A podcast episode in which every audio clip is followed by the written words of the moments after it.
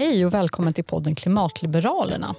Här diskuterar vi de senaste och framförallt de viktigaste frågorna inom klimat, miljö och energipolitiken. Idag är temat lika hett som spännande. Vi ska prata om energisystemets betydelse för klimatomställningen. Och vid min sida har jag som vanligt min poddledarkollega och även kollega här på den marknadsliberala tankesmedjan Timbro, Joakim. Välkommen. Hej och tack. Vi är inne i ett nytt år, nya möjligheter. Vad ser du särskilt fram emot eh, det här året? Ja, men det är ju ett år då det händer väldigt mycket politiskt. Eh, valet till Europaparlamentet är väl det uppenbara. Jag har också nördat in mig lite grann i amerikansk politik igen, börjat intressera mig för presidentvalet där. Ehm, och sen på hemmaplan så finns det ju som vanligt eh, ganska mycket att ta tag i. Energifrågorna är ju väldigt eh, heta just nu som du sa och det händer väldigt mycket just nu. Regeringen har utsett en kärnkraftssamordnare och så har vi den här energipolitiska propositionen som kommer snart. Vad ser du fram emot? Ja, men mycket av det du har sagt, men om jag ska lägga till någonting så eh, tillståndsprocesserna. Det är ju en sån fråga som är en av de absolut viktigaste frågorna, inte minst för näringslivet, industrin. Eh, och eh, under många år här nu så har liksom ut, eh, regering på regering har tillsatt utredning på utredning men det har liksom inte riktigt hänt någonting. Men här har nu den här regeringen tillsatt en utredning med väldigt lovande direktiv och den ska presenteras här nu i slutet på året. Så det ser jag fram emot. Spännande. Mm. Ja, men vi ska ju prata om energisystemet idag. Och när jag tänker på energidebatten så tänker jag på fabeln om de blinda männen och elefanten. Har du hört den Joakim? Det har jag inte, men det låter som något jag gärna vill höra. Ja, men vad härligt. Jo, för den här fabeln den kommer från Indien från början. Och Den handlar om att sex blinda män grälar om hur en elefant ser ut. Och Alla har olika förhandsuppfattningar. Och när de för första gången då känner på en elefant så får alla sina egna teorier bekräftade. Den första mannen han vet att en elefant är en hård vägg för han står med händerna mot sidan av elefanten. Den andra blinda mannen han vet att det här är en stor orm, för han har fått tag i snabeln. Den tredje blinda mannen han vet att en elefant det är ett vasst spjut, för han har fått tag i en bete. Den fjärde han vet att det är ett träd, för han står med, med armarna om ett ben. Den femte blinda mannen han vet att det här är en matta, för han har fått tag i ett öra. Och den sjätte blinda mannen han fnyser och undrar varför de andra männen gör så himla stort väsen av en gammal repstump han har fått tag i svansen. Joakim, tycker att det finns en relevansens-moral här för eh, elsystemet? Ja, det kan man väl. Eh, jag tycker att det är en bra parallell. Eh, det finns verkligen ehm, ja, men, energisystemet både i sig, liksom många olika delar där, där folk och politiker gärna snöar in på en liten del på, på ett öra eller en svans och, och även Sverige som del av det europeiska energisystemet eh, kan man ibland bli lite liksom, väl, väl fokuserad på. Så eh, det är en bra parallell tycker jag. För alla har sin egen lilla del av verkligheten och missar, ja. missar helheten. Ja, med oss idag för att få ett helhetsgrepp om den här elefanten i rummet eh, i form av energisystemet så har vi vår nya kollega här på Timbro, Simon Vakter. Välkommen Simon. Tack, tack så mycket. Och våra trogna lyssnare känner igen dig från vårt eh, allra första poddavsnitt när vi pratade om eh, det internationella klimatmötet COP28. Eh, och då jobbade du inte här, men det gör du nu Eh, så kan det gå. Eh, det blir egentligen officiellt eh, först om någon vecka så att ni poddlyssnare får en exklusiv förhandsinformation här. Men du ska vara med och bygga upp Timbros nya miljöinstitut tillsammans med mig och PM. Ja, precis. Ja, det ser vi väldigt mycket fram emot också. Simon, vad ser du fram emot under miljö, klimat och energiåret 2024? Ja, det är lite blandat. Dels så har ju regeringen gjort eh, enormt mycket arbete med energipolitiken. Eh, man gör en översyn av de olika energirelaterade myndigheterna. Så det tycker jag ska bli spännande att fortsätta följa, särskilt eh, när den liksom skarpa energipropositionen kommer. Vi fick ju lite hint om den med de här målen som man publicerade i slutet av förra året. Sen kommer det bli superintressant att följa liksom hur världen hanterar det fortsatta Eh, energiläget efter Rysslands anfallskrig mot Ukraina. Eh, och där liksom både hur utvecklingsländer kommer att hantera bristen på bränsle när liksom Tyskland, Europa och rikare länder dammsuger upp all LNG som finns. Eh, den fortsatta expansionen av, den, av flytande naturgas liksom, som sker kanske framförallt i USA och Qatar. Och sen eh, på europeisk nivå så det, sker en ganska intressant grej nu där till exempel eh, ja, både kärnkraften generellt i världen byggs ut men i Europa sker det lite intressanta grejer där till exempel Frankrike vägrar rapportera in eh, andelen förnybar energi som krävs enligt förnybartdirektivet och de rapporterar istället in andelen fossilfri energi. Vilket är väldigt logiskt. Det är ju liksom fossilfritt, fossilt vi vill bort ifrån. Då borde man ju styra på det och inte på andelen förnybart. Och för vissa länder som eh, eh Frankrike och vissa östeuropeiska stater som har väldigt stor andel kärnkraft, de kommer ju kräva till slut att de stänger kärnkraftverk för att leva upp till förnybartdirektivet. Och det är väl det Frankrike har insett lite grann. Så det tycker jag kommer bli spännande att se vad som händer kring det. Ja, verkligen. För som du säger, det vore helt eh, hål i huvudet om man skulle behöva stänga ner, stänga ner fossilfri produktion för att uppnå förnybartdirektivet. Vi behöver ju både och. Ja. och det är det fossilfria som är intressant. Absolut. Ja, men intressant. Det finns mycket, mycket att se fram emot eh, det här, eh, det här året helt enkelt på de här områdena. Jag eh, tänkte just, vi börjar med att gå in på energisystemet. Just hur det ser ut, fungerar och vad det kostar. Det har väldigt stor betydelse för vår förmåga att lyckas med klimatomställning. Mm. Och I debatten så är det väldigt mycket fokus på elsystemet medan energisystemet ofta är lite bortglömt upplever jag. Mm. Simon, kan du reda ut begreppen lite här? Ja, precis. Alltså jag är energinörd så jag gillar ju att repetera att energi är grundläggande för allt vi gör. Liksom. Det är det som liksom frigör mänsklig kapacitet att ägna sig åt någonting annat än att hela tiden liksom samla ved eller jaga djur och liksom för att överleva. Så energi lägger grunden för allt vi gör. Men energi är också grundläggande för klimatomställningen. Och det har eh, dels att göra med att eh, vi, behöver energi för mycket saker men också att mycket, eh, framförallt mycket av utsläppen kommer från energirelaterade saker. Och det kan dels vara direkt att vi eldar fossila bränslen för att få el till exempel. Eller så kan det vara indirekt också att vi har Eh, Eh, fossila insatsprodukter i olika varor. Liksom. Och räknar man ihop det här så hamnar man någonstans runt eh, ja, lite över tre fjärdedelar, alltså någonstans uppemot 80 procent av utsläppen kan man säga är energirelaterade. Och även en del av de utsläppen som ligger utanför det, den kommer vi kanske behöva energi för att på något sätt ställa till rätta för att det är inom sektorer som är svåra att komma till rätta med. Så klimatomställningen är en energiomställning. Mm. Ja, verkligen. Och det, debatten har ju mycket mer börjat hamnat där nu mm. också, vilket är väldigt, eh, väldigt positivt. Precis. Vi kan ju expandera lite också om att energisystemet är mycket mer än elsystemet och globalt så är el omkring kanske 20 procent av slutanvändningen av energi. Värme är ungefär 50 procent och sen har vi liksom förluster och eh, transporter och annat också. Då. Ehm, men el utgör en ganska liten del, en större del i Sverige än i andra länder för att vi har redan elektrifierat en hel del sektorer. Men man ska inte missa då att liksom el är en väldigt liten del av det totala energisystemet. Sen kommer elsystemet käka upp en större del av kakan allt eftersom vi elektrifierar nya sektorer, transporter och så vidare. Mm. Och utöver transporter, vad, vad liksom ligger mer liksom, utanför elsystemet i energisystemet? Eh, framförallt uppvärmning i andra länder. Det är en sektor som vi redan har elektrifierat i Sverige. Jag tror vi kommer komma in på det mer senare. Men eh, i, så i Sverige är det framförallt industrin som vi kommer elektrifiera. Och det handlar om att vi behöver ställa om till icke-fossila produktionssätt helt enkelt. Mm. Eh, Joakim, vill du lägga till någonting där? Eh, nej. nej. Tyckte att det var bra summerat. Ja, jag håller med.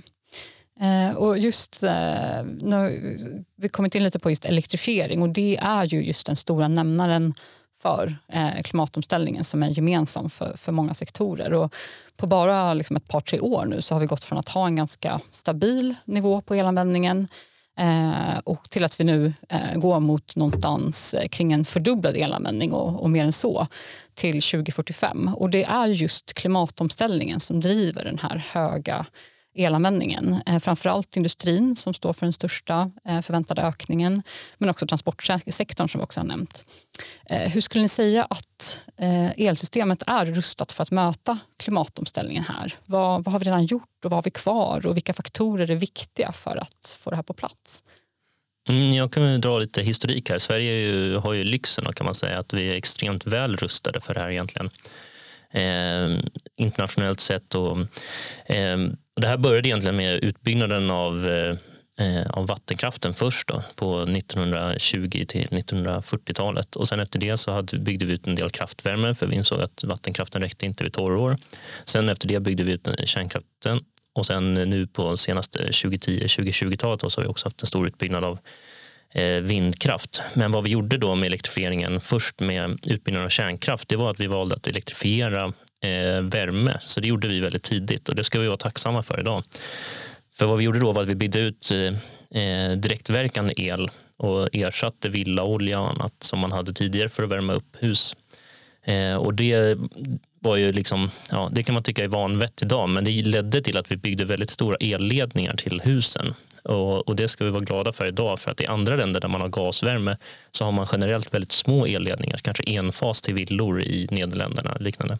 Och då blir det väldigt svårt att ladda en elbil på det. Så den, när vi sedan ställde om från direktverkande el i villorna till värmepump eller liknande, då frigjorde man ju mycket av kapaciteten i kablarna på lokal nivå.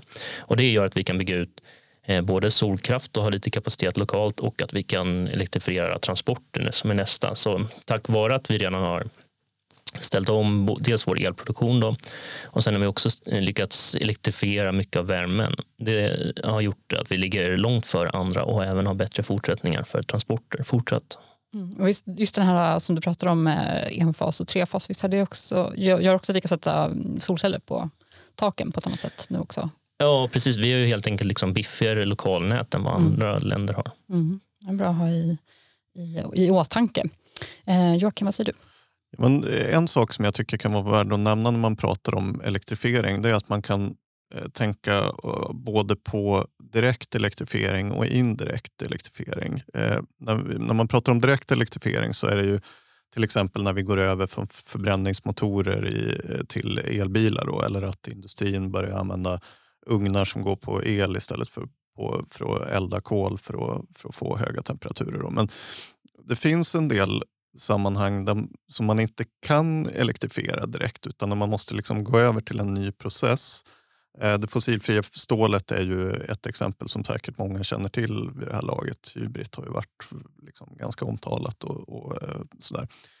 Eh, men tunga transporter, sjöfart, flyg, långväga lastbilstrafik, det är också sådana sammanhang som är svåra, i alla fall på kort sikt, att elektrifiera direkt. Så då, i, I de sammanhangen så kanske man tittar på sånt som elektrobränslen istället, som jag nämnde i förra avsnittet av den här podden. Då, som innebär att man fångar in kol och sen producerar man vätgas och så slår man ihop de här eh, vätgasen med det infångade kolet i en, i en slags reaktor och får då ett bränsle som kan göras eh, identiskt med det fossila bränsle som man kör en, eh, ett flygplan på eller en, eh, en, en eh, färja eller, eller vad som helst.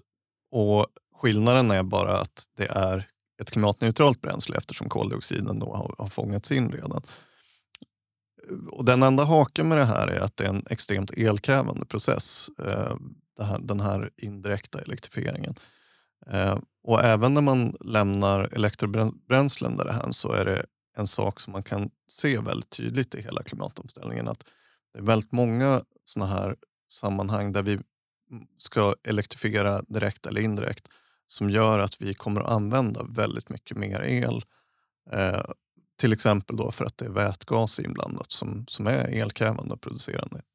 Ja, hur, hur ser ni på vätgasens roll? Det är ju eh, framförallt industrin eh, som, som ser det också då, som en eh, lovande lösning. Och precis som du var inne på Joakim så, så är det väldigt eh, eldrivande. Eh, Ja, vi, vi, får kanske spara det längre svaret på den frågan till ett eget avsnitt som, som vore intressant att dyka ner i liksom vätgasekonomin. Men det jag kan säga kort, som jag tror är viktigt att ha med sig när man pratar om vätgasen i klimatomställningen, det är att det jag tror att det är väldigt osannolikt att vätgasen kommer att användas för att balansera elsystemet så som vissa eh, pratar om det. Eh, vätgas kommer att kunna användas till väldigt många saker i den här klimatomställningen. Men värdet av att till exempel kunna använda den i industriella tillämpningar eller för elektrobränslen. Eller det, det, det går att göra väldigt många olika saker. värdet av det kommer att vara väldigt mycket högre än att producera vätgas som sen ska användas för att producera el, gå tillbaka till el för att det blir väldigt stora förluster av det. Så, så liksom, man, man kommer att förlora väldigt mycket i den processen. Och jag, jag tror faktiskt aldrig att vi kommer att, att hamna där därför att värdet av vätgasen på andra, eh, på andra eh, håll kommer att vara så pass mycket högre. Mm. Simon, eh, vad säger du?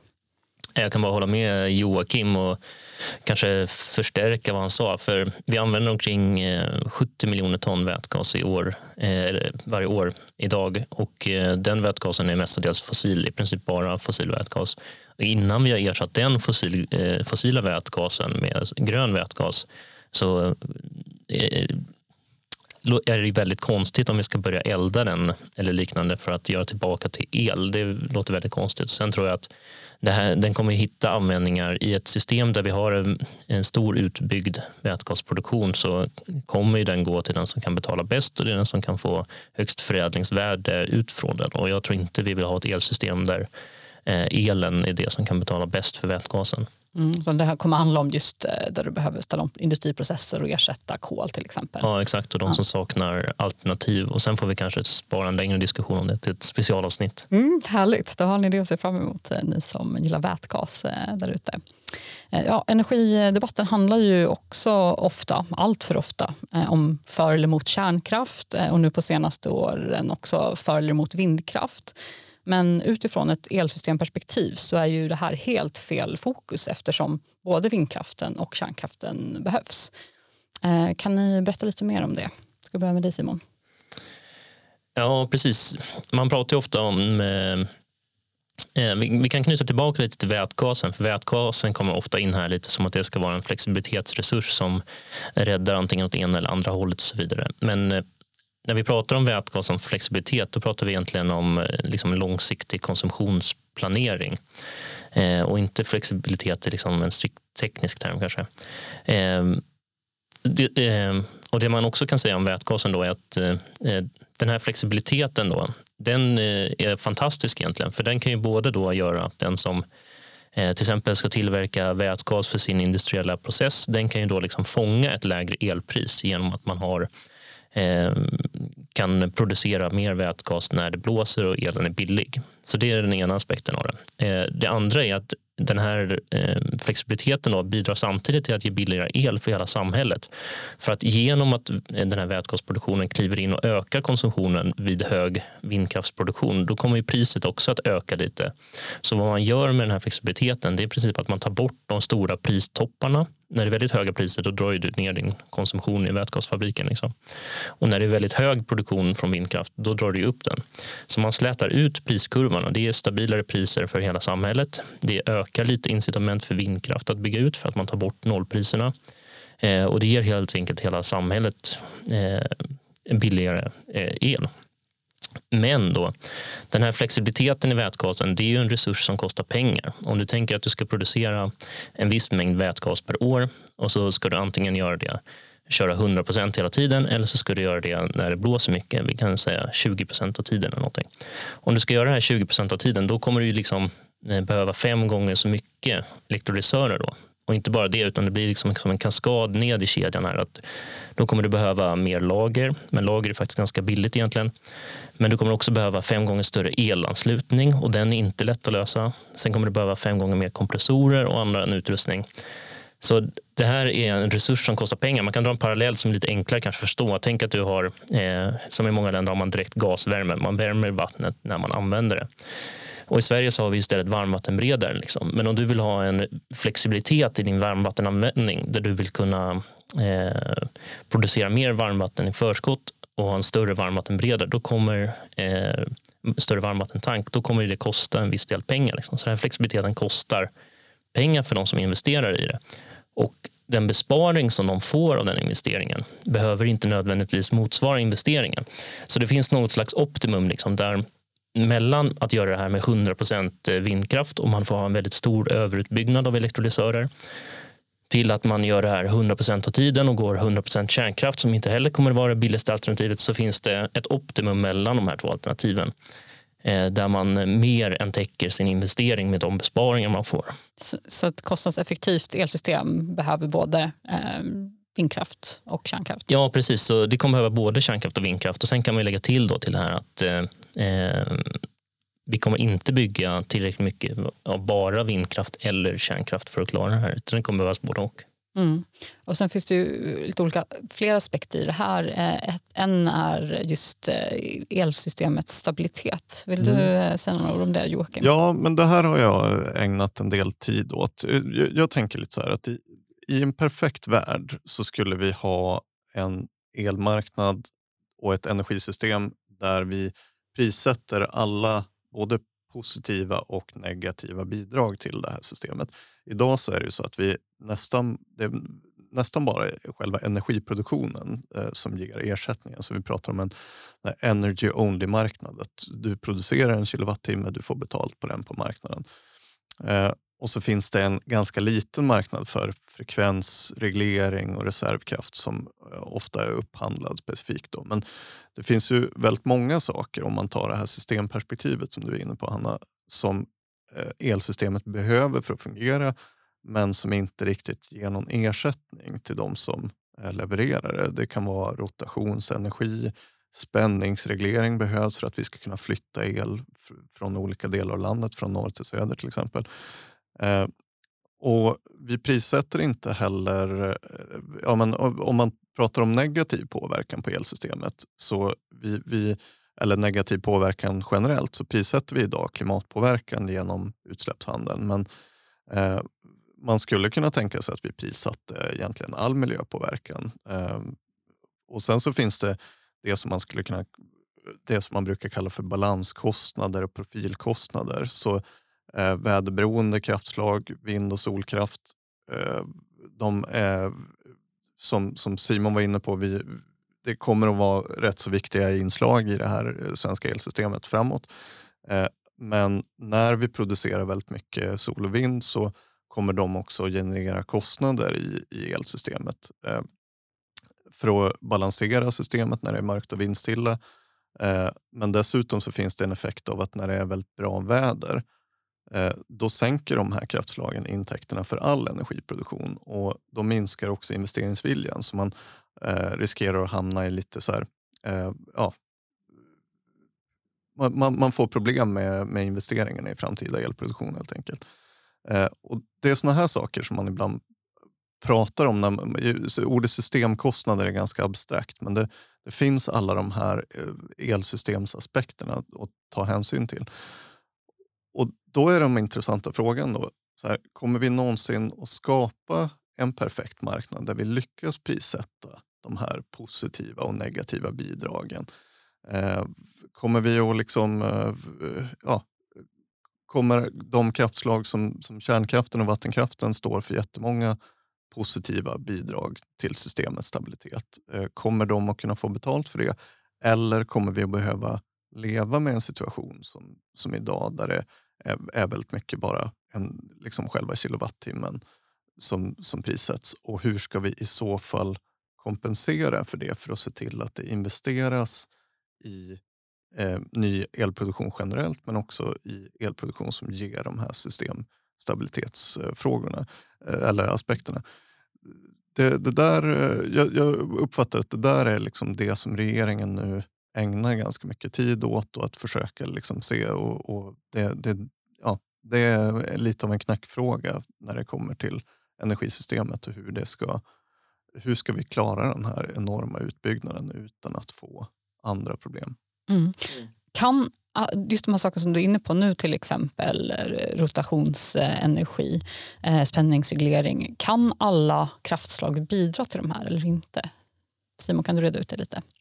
Nej, alla kraftslag kan inte bidra på samma sätt. Sen finns det olika tekniska lösningar för allihopa. Men eh, extremt kortfattat, vi kanske får spara här till ett specialavsnitt också, men eh, extremt kortfattat då kan man säga att det finns olika tekniska lösningar men normalt i ett väldigt komplext system och man kan nog argumentera att kraftsystemet är det mest komplexa systemet i världen och förmodligen det dyraste också så det får liksom inte krascha.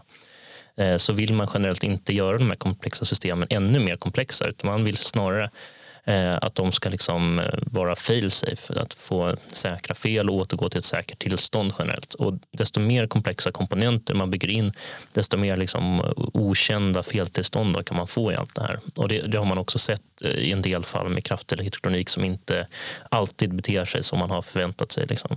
Och ju mer väderberoende du har, desto mer kraftelektronik behöver du i systemet? Eller? Många av de här andra lösningarna då för att lösa saker som reaktiv effekt eller eh, eller kortslutningseffekt och annat. De, eh, precis det är kraftelektronik som de beror av. Då.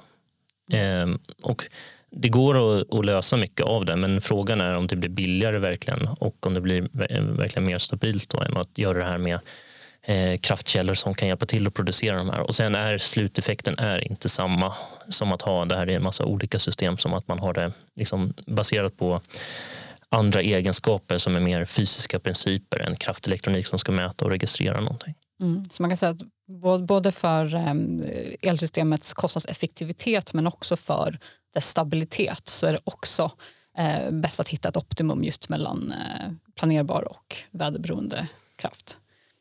Ja, absolut. Mm. Joakim? Ja, men, eh, jag tänkte på det här, en, en annan sak som kanske har varit lite bortglömd i alla fall fram till nyligen är ju effektfrågan. För att vi, vi pratar lite om energisystemet eller elsystemet specifikt som att okej, okay, vi behöver 140 eh, terawattimmar per år och så länge vi får det så klarar vi oss. Liksom. Men så är det ju inte utan vi, eh, vi har ju liksom särskilda effektbehov vid särskilda tidpunkter där det måste finnas eh, kraft just då. Eh, och så det, det, spelar roll när när över året som de här ja, elproduktionen sker. Och, eh, och eh, jag, jag, jag, tänker på det, liksom, vi, har, vi har varit inne på lite grann elektrifieringen av personbilsflottan som har tagit ganska bra fart nu.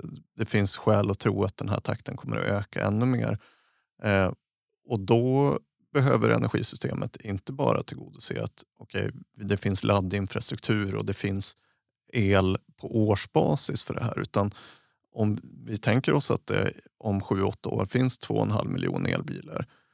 Då kommer vi att behöva motsvarande kanske fem kärnkraftsreaktorer för att ladda de här samtidigt. Eh, och, och den effekten, så att säga, då behövs den där och då. Jag tror också vad vi kommer se eh, förutom liksom ersättning då för de här systemnyttorna som vi var inne och snuddade lite på så kan man säga att det, det handlar liksom också om hela incitamentstrukturen brett i hela samhället. Och där har vi ju eh, dels allt från skatter utformade till nätavgiften utformad och, och, både skatt och nätavgifter utgör ju, förutom då när elpriserna går extremt högt, men de utgör en väldigt stor del av ens totala kostnad och de ändras ju inte heller med eh, priser eller konsumtion eller samhällets behov är större. Så där skulle man ju behöva kanske titta på en ny typ av effekttariff och sen kan det ju bli så då att den här effekttariffen för ens nät eh, eh, nätanslutning den kan ju liksom arbeta emot de låga elpriserna för en solig sommardag när alla vill ladda elbilen i ditt nätområde då går din effekttariff upp fast den är väldigt låga elpriser. Vi skulle kunna se sådana lokala effekter också där de kämpar emot varandra. Men man skulle nog behöva se över det här lite grann och det är också någonting som man kanske till viss del kan säga driver eh, lokalt kanske en överutbyggnad av solkraft för att det finns eh, Eh, incitament för att undvika de här höga avgifterna på ett sätt som man kanske borde reformera så att eh, ja, det blev lite mer logiskt bättre för systemet helt enkelt. Mm. Eh, sen kommer vi också se vi ser ju också stora förändringar som redan är på gång på det här. Vi såg till exempel förut då, så fick man ju mata ut solkraft till exempel gratis på elnätet. Många lokala elnät de börjar ta ut en avgift för att man ska få göra det, vilket är ganska logiskt. Om du vill sälja din el på nätet och använda det nätet så får du betala för det. Liksom. Eh, samma som alla andra producenter. Eh, det andra som vi håller på att se det, är, det kommer nya regleringar för stora konsumenter. Alltså det har ju funnits nätkoder som det kallas för stora producenter. Och de här nätkoderna reglerar till exempel när man måste kunna ligga kvar på nätet eh, om man måste producera eller annat. Alltså SVK kan ge en direktiv. Liksom. Och de här direktiven de kommer då nu även för konsumentsidan. Och det här skulle då teoretiskt kunna innebära att eh, en stor vätgasproducent eller någon annan när elpriserna är låga så kanske man inte får öka sin produktion som man har tänkt sig för att eh, eh producera en massa vätgas eller konsumtion från nätet. Eh, för att det klarar inte nätet just då. Eller när elpriserna är väldigt höga så får man inte helt plötsligt dra ner den för att då klarar inte elnätet det heller just då. Så då får du ligga kvar och konsumera till höga elpriser. Eh, så det, eh, det här kallas DCC och det kan man gå in och läsa om på NSOEs hemsida. Men sådana här typer av regleringar och ändringar är på gång nu. Okay. Låter oroande. Eh, just om vi ska prata liksom just om, om så här, vi är inne på lite eh, verktyg för, som behövs för att liksom, eh, kunna komma närmare det här op optimala eh, elsystemet. Vad ser ni framför er? Liksom, vad, vad, behöver den här regeringen och kanske nästa regering liksom, ta tag i? Eh, för typ av åtgärder för att vi ska ha en chans att bygga ut så här mycket. För Det handlar ju både om att vi behöver bygga ut produktion men det behöver även då mer nät, vi behöver ut, upprusta gammalt nät. Vi har också eh, en stor del av den elproduktion som finns idag behöver ersättas. Vi har eh, tillståndsprocesser för allt det här som är alldeles för ineffektiva och tar alldeles för lång tid det, är liksom, ja, det, det, är komplicerat, det är grötigt, det är mycket, mycket saker inblandade. Vad, vad ser ni som de viktigaste grejerna som sagt att ta tag i nu de kommande åren för att vi ska ha en chans eh, att eh, göra det här på ett bra sätt? Jag vet inte, Joakim, vill du starta eller får jag köra? Eh, du, kan, du kan få börja. Det är en så stor fråga så jag behöver tänka lite. Helt rimligt. Yes, nej, men, um, regeringen gör ju oerhört mycket som jag tycker är rätt just nu. Det är mycket utredningar, det är regleringsbrev till myndigheter och liknande eh, som är viktigt. Eh, en av de viktigaste sakerna kanske som är på väg att ske politiskt eh, och eh, inom regeringen också, då, kanske till och med kommit lite längre på det, det är att man behöver gå ifrån, det har varit en diskussion om teknikneutralitet men det stammar egentligen från en diskussion som var liksom mitten av 2010-talet där vi trodde att elkonsumtionen inte skulle växa och vi skulle liksom optimera vårt elsystem och vi hade lyxen att välja vilka elkällor vi tyckte mest om. Liksom. Och man höll på att lägga ner kärnkraft och vi ville bygga vindkraft istället. Men nu när man tar klimatutmaningen på allvar då, då ser vi liksom vilka elbehov som uppstår ur den omställningen. Och då behöver man gå eh, från den här lite eh, besattheten vid teknikneutralitet som ju då var vad industrin liksom lobbyade för då på mitten av 2010-talet för att de ville inte ha olika spelregler för olika kraftkällor eh, då och att man favoriserade. Eh, nu behöver vi gå ifrån egentligen lite det här teknikneutralitet. Det tog tio år för politikerna att begripa teknikneutralitet och de liksom sitter lite fast i det. Men vi behöver gå till ett helt nytt paradigm nu egentligen där vi ska dubbla elproduktionen på eh, 25 år knappt. Eh, det kommer kräva att vi bygger så mycket det går av alla kraftkällor och de kommer kräva olika typer av stöd som är lite olika men man bör såklart ändå försöka få det här någorlunda neutralt mellan de olika kraftslagen.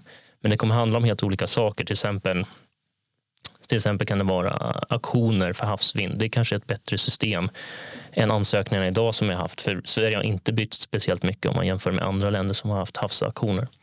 Eh, för kärnkraften kommer det innebära förmodligen någon typ av riskdelning. Och den behöver inte innebära att risken materialiseras så att den kostar någonting. Men genom att man delar risken kan man sänka kostnaden dramatiskt. Och Sverige behöver fundera ganska hårt och länge hur vi kan se till att bevara vårt, vår konkurrensfördel som är den billiga elen. Jag, jag ska säga, liksom jag delar verkligen Simons eh, övergripande bild här. Att det är, det är det här som är den stora utmaningen. Att liksom försöka fördubbla elsystemet. Eh, så det, det, pratas ju ofta om det i klimatdebatten. Att nu ska vi fördubbla elanvändningen från kanske 140-150 terawattimmar till 300 eh, terawattimmar eh, 2040 kanske. Eh, och det är ju en väldigt stor utmaning i sig, men då ska man samtidigt vara medveten om att det finns sektorer vars klimatomställningen inte är inräknad i den siffran. Så om vi till exempel tänker oss att inrikesflyget, sjöfarten ska drivas av elektrobränslen som produceras i Sverige, då kommer det att öka elbehovet ännu mer. Eh, så det finns egentligen skäl att tro att vi kommer att landa kanske en bra bit över 300 terawattimmen. Eh, och då pratar vi alltså om mer än en fördubbling av elbehovet. Energimyndigheten har en rapport. De har också andra prognoser. Men det finns en rapport som förutspår att det skulle kunna bli en fördubbling redan till 2035. Och till 2045 så pratar man om 370 terawattimmar. Alltså nästan en tredubbling av elanvändningen. Eh, jag, jag tänker att de som är medvetna om skalan i den utmaningen, det brukar också vara de som förstår att vi kommer att, som, som du sa Simon, behöva precis alla fossilfria kraftslag i den här utbyggnaden. Det går inte annars. Kärnkraftsutbyggnaden är extremt viktig sett till planerbarhet, systemstabilitet, överföringsmöjligheter. Eh, men vi kommer inte att ha nya reaktorer innan, ja, men ska man gissa tidigast 2033 kanske. Eh, fram till dess så kommer vi ha ett väldigt snabbt växande elbehov. Eh, och då är det ju egentligen vindkraften som vi kan bygga ut i större skala. Eh, jag är fullt medveten om motståndet mot vindkraften. Jag har skrivit om det i, i min bok Mina gamla hemtrakter så är man väldigt skeptisk mot det. Eh, jag är medveten om att det finns motstånd att det motståndet har plockats upp av politiska partier i, i riksdagen. Men alternativet som jag ser det till att få till en stor vindkraftsutbyggnad det är att vi sätter svensk konkurrenskraft, svensk klimatomställning i en väldigt, väldigt svår sits. Så om man värnar företagens förmåga att konkurrera internationellt då tycker jag att man verkligen bör fundera över den här matematiken. Hur ska det här gå till? om vi inte får till vindkraften. Mm, jätteviktig poäng och precis som du är inne på där, det är också jätteviktigt just energisystemets betydelse för klimatomställningen som, som temat är idag men också för svensk konkurrenskraft och alla de här tre hänger ihop och både klimatomställning och svensk konkurrenskraft måste ju verkligen gå hand i hand eh, om vi ska klara det här. Du brukar säga Hanna att Sverige kommer att behöva el motsvarande ett helt Finland fram till 2030. Ja precis, drivet av industrin. Exakt. Och då, ja, som sagt, vi, har, vi, kommer inte ha några nya reaktorer på plats ännu då. Så att det understryker verkligen det du säger Joakim. Eh, jag tänkte också, eh, vi skulle kunna prata om det här hur mycket, hur mycket som helst, eh, men eh, jag skulle också vilja prata om innan vi avslutar lite grann det internationella perspektivet. Jag har varit inne lite grann på det, hur Sverige står sig lite till andra länder. Men vi har ju ofta ett väldigt Sverigefokus när vi pratar om eh, elsystemet. Eh, men faktum är att Sverige sitter ihop. Vi har ju kablar till eh, andra nordiska, baltiska länder nere i Europa. Hur, just nu när vi ska då ställa om eh, vårt eh, energi och elsystem. Eh, hur, vilken roll spelar det? Just det, här, det har varit mycket diskussioner om de höga priserna som har varit nere i Europa, hur de liksom smittar av sig. Hur förhåller vi oss liksom, med de svenska, de svenska besluten eh, till den situationen att vi faktiskt sitter ihop med andra länder och, och hur det påverkar? Eh, jag skrev lite om det här i höstas och hamnade i en debatt om det kan man säga. Det, det, var ett inslag då i Sveriges Radio som jag blev lite provocerad av. Det handlade om att Litauen har en ambition då som man sa att bli helt självförsörjande på förnybar el redan eh, alltså inom några år bara. Och då hade jag av en händelse precis varit i Litauen och träffat eh, regeringsföreträdare och diskuterat just energipolitik. Och det de sa till mig då var, det handlade inte alls om att de skulle bli självförsörjande i någon traditionell mening. Det är ju för sig sant då att de ska bygga ut sol och vindkraft väldigt kraftigt. De gör ju samma resa som Sverige fast från en lägre nivå, det vill säga man, man elektrifierar, bygger ut elsystemet. Där pratar man om en sexdubbling av, av eh, elanvändningen de här kommande, kommande decennierna. Liksom. Eh, men då, då när jag frågar om så här, ja, men hur ska ni klara vindstilla dagar och, och nätter och sådär. Eh, då rycker de på axlarna och säger ja men då får vi väl importera från er och från Finland då. Eh, och det är inget konstigt i det. Jag, jag dömer inte Litauen för att de säger så. Eh, alla länder kan inte bygga eh, kärnkraft. Eh, alla kan inte liksom, eh, ja, har inte förutsättningar för att bygga bas eller reglerkraft. Men jag tyckte att det var en väldigt bra eh, illustration eh, av hur liksom det här systemet hänger ihop. För att eh, Sverige har stängt sex reaktorer de här senaste 20 åren ungefär. Eh, Tyskland har stängt kanske 20 reaktorer. Eh, det där har du bättre koll på Simon. Några nya reaktorer i den i den här regionen kommer vi inte ha på plats som sagt förrän eh, tidigast om tio år. Så det troliga är ju att vi kommer att ha en stor brist på baskraft i hela den här Östersjöregionen, i hela norra Europa. Eh, Norges vattenkraft, Sveriges och, Sverige och Finlands vatten och kärnkraft kommer att behöva dra väldigt tunga lass i det här sammanhanget. Och, eh, periodvis tror jag att vi kommer att få se extremt höga elpriser just för att det är många länder som förlitar sig på de få källor till baskraft som finns. Mm. Det tycker jag man har hört också eh, just eh, ja, när det gäller Danmark också att de kan ha eller ha så mycket vindkraft eh, att det är tack vare Sveriges och Norges vattenkraft som du är inne på. Så när vi behöver produktion, eller när, när, flera länder samtidigt har underskott och om man har för lika profil när det gäller vindkraft till exempel. Vilka, vilka konsekvenser ser, ser ni där? Simon, till exempel Eh, ja, I vilken utsträckning behöver man ta hänsyn till det eh, när man designar eller designar om sitt system nu framåt?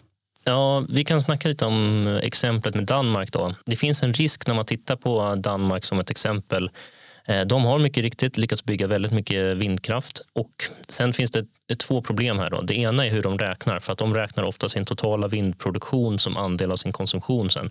Fast när de faktiskt producerar mycket vindkraft så går ju nästan allt det här på export för att de producerar många gånger mer än vad de använder själva. Danska elförbrukningen brukar ligga någonstans runt 5 gigawatt. Liksom. Så jämför man med Sverige då, som på vintern kan ligga runt 25 eller uppemot nästan 30 gigawatt så har vi skalan ungefär. Och det här är det andra problemet med, med den danska vindkraftsutbyggnaden är att många lyfter den som ett exempel då för vad alla länder ska göra. Men i Danmark har de dels ganska mycket kraftvärme och eldat kvar som kan gå in och stötta när vinden inte blåser. Och sen är ju eh, Danmarks elkonsumtion som ett avrundningsfel i länderna runt omkring. Eh, vi har Norge, 135 terawattimmar eller någonting sånt, bara vattenkraft. Det är liksom Europas stora batteri. Eh, så har vi Sverige då med eh, kärnkraft, vattenkraft och vindkraft. Vi producerar någonstans runt 165 terawattimmar. Sen har man Tyskland då, söder om det som ligger eh, på någonstans runt 500 terawattimmar. Och eh, ungefär hälften av det nu har de väl gått upp en del, så lite mer än hälften tror jag är förnybart, alltså variabel förnybar kraft. Och rest, men resten är alltså fortfarande någon form av baskraft och en del kärnkraft fram tills att man stängde den eh, tidigare förra året. Då. Och sen har man ju Frankrike och Beneluxländerna och nu även sammankopplade med Storbritannien. Så det är extremt stora elländer som ligger runt omkring. Så det spelar nästan ingen roll vad danskarna gör själva. För att de har så pass mycket hjälp från länderna runt omkring. Men när Tyskland sen tittar på Danmark och säger att ja, men det där ska vi också göra, så importerar vi bara när det inte blåser. Då är, har det en helt annan betydelse för hela det europeiska elsystemet. Och det ser man också på Östeuropaländerna som ligger grannar med Tyskland. Deras elpriser skjuter i taket nu när de har stängt sin kärnkraft för att vad de har stängt är ungefär motsvarande vissa östeuropeiska länders totala elproduktion. Liksom. Och det, det får stor påverkan när Tyskland nu istället har vänt till att importera all den här elen istället. Det är också värt att säga att när det är vindstilla i norra Tyskland, då är det ofta också vindstilla i Baltikum, i södra Sverige, i eh, Danmark. Så det finns en väldigt stark samvariation mellan det här och, och det skapar också större problem för att du får väldigt höga priser när det inte blåser och du, får, eh, liksom, du kan till och med få negativa priser när det inte blåser. Och det, som vi har varit inne på, det slår undan benen för eh, nya investeringar och, och det, det, skapar liksom problem för elsystemet som helhet. Mm. Och just vad man har för eh, elkonsumtion i ett land spelar också roll. Liksom man jämför ett, ett, eh, stort industriland som, som Tyskland och ett, ett mindre industriland som Sverige med Danmark som kanske inte har lika mycket tung, tung industri. Mm, men det kan man ju lägga till om Tyskland. Att de hade ju fram till bara något år sedan eh, tron att de skulle ligga kvar någonstans runt 500-550 terawattimmar. Eh, och nu ska man säga att deras elkonsumtion har faktiskt minskat något för att deras basindustri inte mår jättebra efter den här el, den elintensiva industrin inte mår jättebra efter den här eh, energikrisen. Då. Eh, men de har ställt om nu, ungefär som Sverige gjorde runt 2017-2018 med insikten att eh, vi kommer behöva ordentligt mycket mer el. Där har Tyskland nu liksom vaknat och inser att de kommer behöva ett par hundra terawattimmar till för att bli eh, fossilfria och ställa om sin industri. Så det, det har skett en förändring där också. Vad, vad har vi täckt allt vi vill? Det, vi skulle kunna prata i timmar om det här. Eh, apropå det, din inledande fabel Hanna om, om elefanten. Känner ni till hur man äter en elefant? Jag har hört det någon gång men jag eh, kommer inte ihåg så berätta gärna. Man tar en bit i taget. Eh, och det Makes tror jag sense. är det sedelärande här också. Att när det kommer till, till ett elsystem som ska klara så, så ja, ta en bit i taget och ha målsättningen om att äta hela den här elefanten. Det låter, låter rimligt. Ja, jag köper det. Bra avslutning. Ja. Bra. Vi eh, får hålla där. Vi har hållit på kanske aningen längre än vi hade ambitionen, men det blir så när man har intressanta frågor att prata om. Vi kommer tillbaka igen i februari. Jag ska säga det också att vi eh, lägger som vanligt relevanta länkar och lästips i avsnittsbeskrivningen. Eh, och sen så är vi tillbaka igen i februari med ett nytt spännande avsnitt om något av de här många viktiga ämnena och frågorna inom klimat, miljö och energi. Tack så mycket för att ni har lyssnat.